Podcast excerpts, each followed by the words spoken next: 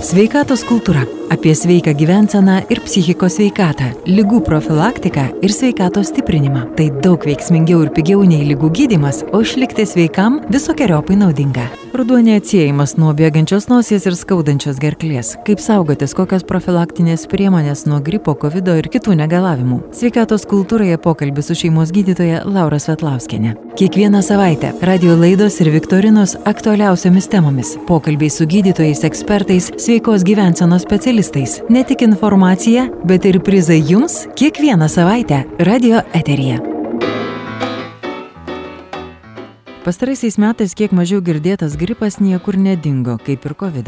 O skiepai ir toliau lieka vienintelė patvirtinta apsisaugojimo nuo sunkių simptomų priemonė. Koks šis ruduo apie gripą, virusinės infekcijas ir COVID, kaip jūs saugotės ir kokios profilaktinės priemonės, kalbame su Lietuvos rajono savivaldybės pirminės sveikatos priežiūros centro šeimos gydytoja Laura Svetlauskinė. Sveikatos kultūra šaltasis metų periodas. Paprastai jisai atneša įvairius įvairius negalavimus susirgimus kurių beje man atrodo kad porą metų mums pavyko išvengti vien dėl to kad kovido pandemija buvo ir visi su kaukėm vaikščiojom todėl buvo kažkiek apnykę visos kitos ligos. Kokia situacija šiais metais? Ar jau prasidėjo sirgimas gripai ir ir ir visi virusai? Kiek tų sergančiųjų kaip kaip vystosi veiksmas? Tai natūralu kad atvėsus oram tų sergančiųjų skaičius šiek tiek išaugo bet aišku daugiausiai serga iki mokyklinio ir mažesnio mokyklinio amžiaus vaikai, saugę serga gal mažiau arba tiesiog mažiau kreipiasi į gydymo įstaigas, nes jeigu lengvi peršalimo simptomai, tai paprastai su vaistininku pasitarę pasigydo namuose, o pas mus jau kreipiasi tada, kada reikalingas nedarbingumo pažymėjimas arba jau, jau sunkesni kažkokie simptomai. Tai kad labai išaugęs skaičius, tai taip negalėčiau pasakyti. Gripų vos vienas kitas kol kas nu, pasitvirtina, o taip lengvi peršalimo simptomai. Ką daryti, kad vis dėlto jų taip ir neatsirastų? Kokios priemonės, ką jūs patartumėt? Tiek, tiek profilaktiniai kažkokie namuose sprendimai, tiek skiepai įvairūs. Ką jūs siūlot? Tai žinoma, skiepas yra vienintelis įrodytas veiksmingas apsaugos būdas, o šiaip nu, natūralūs tie visi apsisaugojimo būdai. Tai hygiena, rankų hygiena, šiaip tai tos kaukės dabar yra neprivalomas, bet šiaip tai sakyčiau, einant į didesnės susibūrimo vietas, į priekybos centrus kažkur, tai tikrai nepagailėtų užsidėti tą kaukę. O, o šiaip, nu, natūralūs imuniteto stiprinimo būdai. Vitaminas C, arbatos, ežiuolės, nu, įvairūs tokie dalykai. Kaip su COVID? Ar, ar vis dėlto jau taip, nes atrodo toks pamirštas reikalas, ar ne, kaukės nebeprivalomos, jokios apsaugos priemonės nebeprivalomos, tai atrodo, kad ir išnyko. E, ar vis dėlto likusi ta lyga, kiek jos ir, ir kaip žmonės tebe reaguoja į tai? Ar apskritai dar, na, jau ketvirtas skiepas kaip ir yra įmanomas, ar ne? Ar kažkas mhm. tai daro? Kaip saugomės? Skiepinasi tikrai žmonės labai vangiai. Galbūt tie pirmie antri metai jau ką gazdino, išgazdino, dabar jau žmonės ramiau į tą infekciją reaguoja. E, tikrai skiepų mažokai yra. Kažkaip gal žmonės ir nusivyta, kad, kad vad skiepinas ir vis tiek susirgo, bet niekada nei vienas gamintojas nepasakė, kad vakcina veiksminga šimtų procentų, plus jinai apsaugo nuo komplikacijų ir sunkių lygos formų, tai reikia tik džiaugtis, jeigu persirgom lengvai. O šiaip COVID suaktyvėjimo kažkokio, nu kol kas irgi labai nestebim.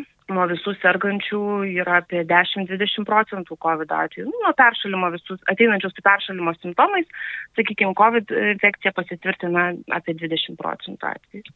Tai netaip jau mažai. Mėnesį tiek šį, kad padidėjimo tai nestebim, o kad nemažai, tai jo išlieka nemažai, taip. O pats, pats COVID, ar jisai keičiasi, nes irgi buvo, iš pradžių visiems dingdavo kvapas uoslė, e, paskui lyg ir nebedingdavo, jau kitokie simptomai atsirado ir apskritai gal ten kiekvienas individualiau reaguodavo. Kokia dabar to viruso atmaina? Kažkaip paskutiniu metu dažniau duoda e, stiprius gerklės skausmus.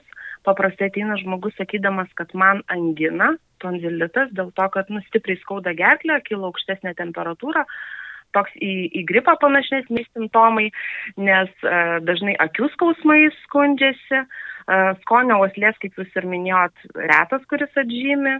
Tai va, šiaip paprastai nelabai išsiskiria iš kitų, iš kitų infekcijų. O e, gripas pats, e, kuris irgi kiekvienais metais vis kitoks, vis būna net ir skiepai pritaikyti kažkaip, tai bandoma ten AB ar dar ten kokios tai atmainos. Taip. Kai, koks jisai šiemet, ar labai piktas? Na kažkaip gripas man visada toks piktesnis atrodo ir visada jau jį įtarinėjai tada, kada ateina žmogus, sako, visiškai neturiu jėgų, net skauda nuo drabužių temperatūra aukšta, 39 ir daugiau laipsnių. Ir va tas yra galvos ir bendras kūno skausmas. Tai šiaip šitie simptomai eina metų iš metai labai panašus. Aišku, virusas mutuoja, bet simptomus jisai duoda panašius ir duoda, kaip pasakyti, sunkia tą savijautą. Ir iš tikrųjų panašiai skamba kaip ir COVID, ar ne? Panašiai. Sakyčiau, kad šiek tiek gal COVID dabar lengviau eina. Ta mhm. temperatūra būna paprastai 38 su dalim, gripas jau eina 39 ir, ir aukščiau. O skiepų prasme, ko daugiau e, dabar žmonės klausia, gripo ar COVID? Gripo skiepas visada yra labai populiarus ir dabar viską, ką mes buvom gavę, jau praktiškai baigiam likučius išskiepinti. Žmonės labai aktyviai klausia, jau tik ateina e, spalio pabaiga, jie patys ieško ir, ir teiraujasi tų gripo vakcinų tai tikrai kas nespėjo jau ko gero ir nesuspės susiskiepinti, nes tą, ką buvom gavę rizikos grupėm, jau baigėsi skiepai. Dabar prasidės tik tai mokami. Tai šiaip tikrai labai didelis susidomėjimas gripo vakcina, ko paskutiniu metu nebėra su COVID vakcina. Mhm. O gripo vakcina, priminkit, kam yra nemokama, nes kai, kuri, kai kurios žmonių grupės įgauna tiesiog nemokamai, o kiti jau gali pirkti. Šiaip tai siaurina tas e, grupės, kam priklauso. E, šiemet buvo pagrindė su onkologinėmis lygomis ir su širdies kraujagyslių lygomis. Ir kvepavimo lygos. Bronchinės asmos. O amžius kriterijus yra? Amžius nuo 65, taip irgi yra. Vaikams ne. Ne, ne, kol kas vaikams ne, nebent su lėtiniam lygom, tai yra onkologija, bronchinės asmos. Tai žodžiu, pagrindiniai patarimai e, tie patys, ar ne, skiepai ir kažkokios ten profilaktiniai vitaminai C. Nu taip, visais gyvenimo atvejais, nuo visų šitų virusinių dalykų. nuo visų lygų. Ir iš tiesų kaukės. Aš pati labai ant, pastebėjau ir, ir, ir ant aplink, aplinkos, kad um, tuos vat metus, kai su kaukiam vaikščiam, iš ties, iš ties nebuvo jokių slogų, Buvo gerklių ir visokių kitokių. Taip. Tai, tai tikrai nepamaišytų ir, tas, ir ta priemonė. Taip, manau, kad pandemija mus pamokino ir, ir grįžus iš parduotuvės dažniau rankas nusiplauti ir tas kaukės užsidėti, tai iš tikrųjų taip tik save apsaugom gyvenimo pamokas visai neprastos gavosi.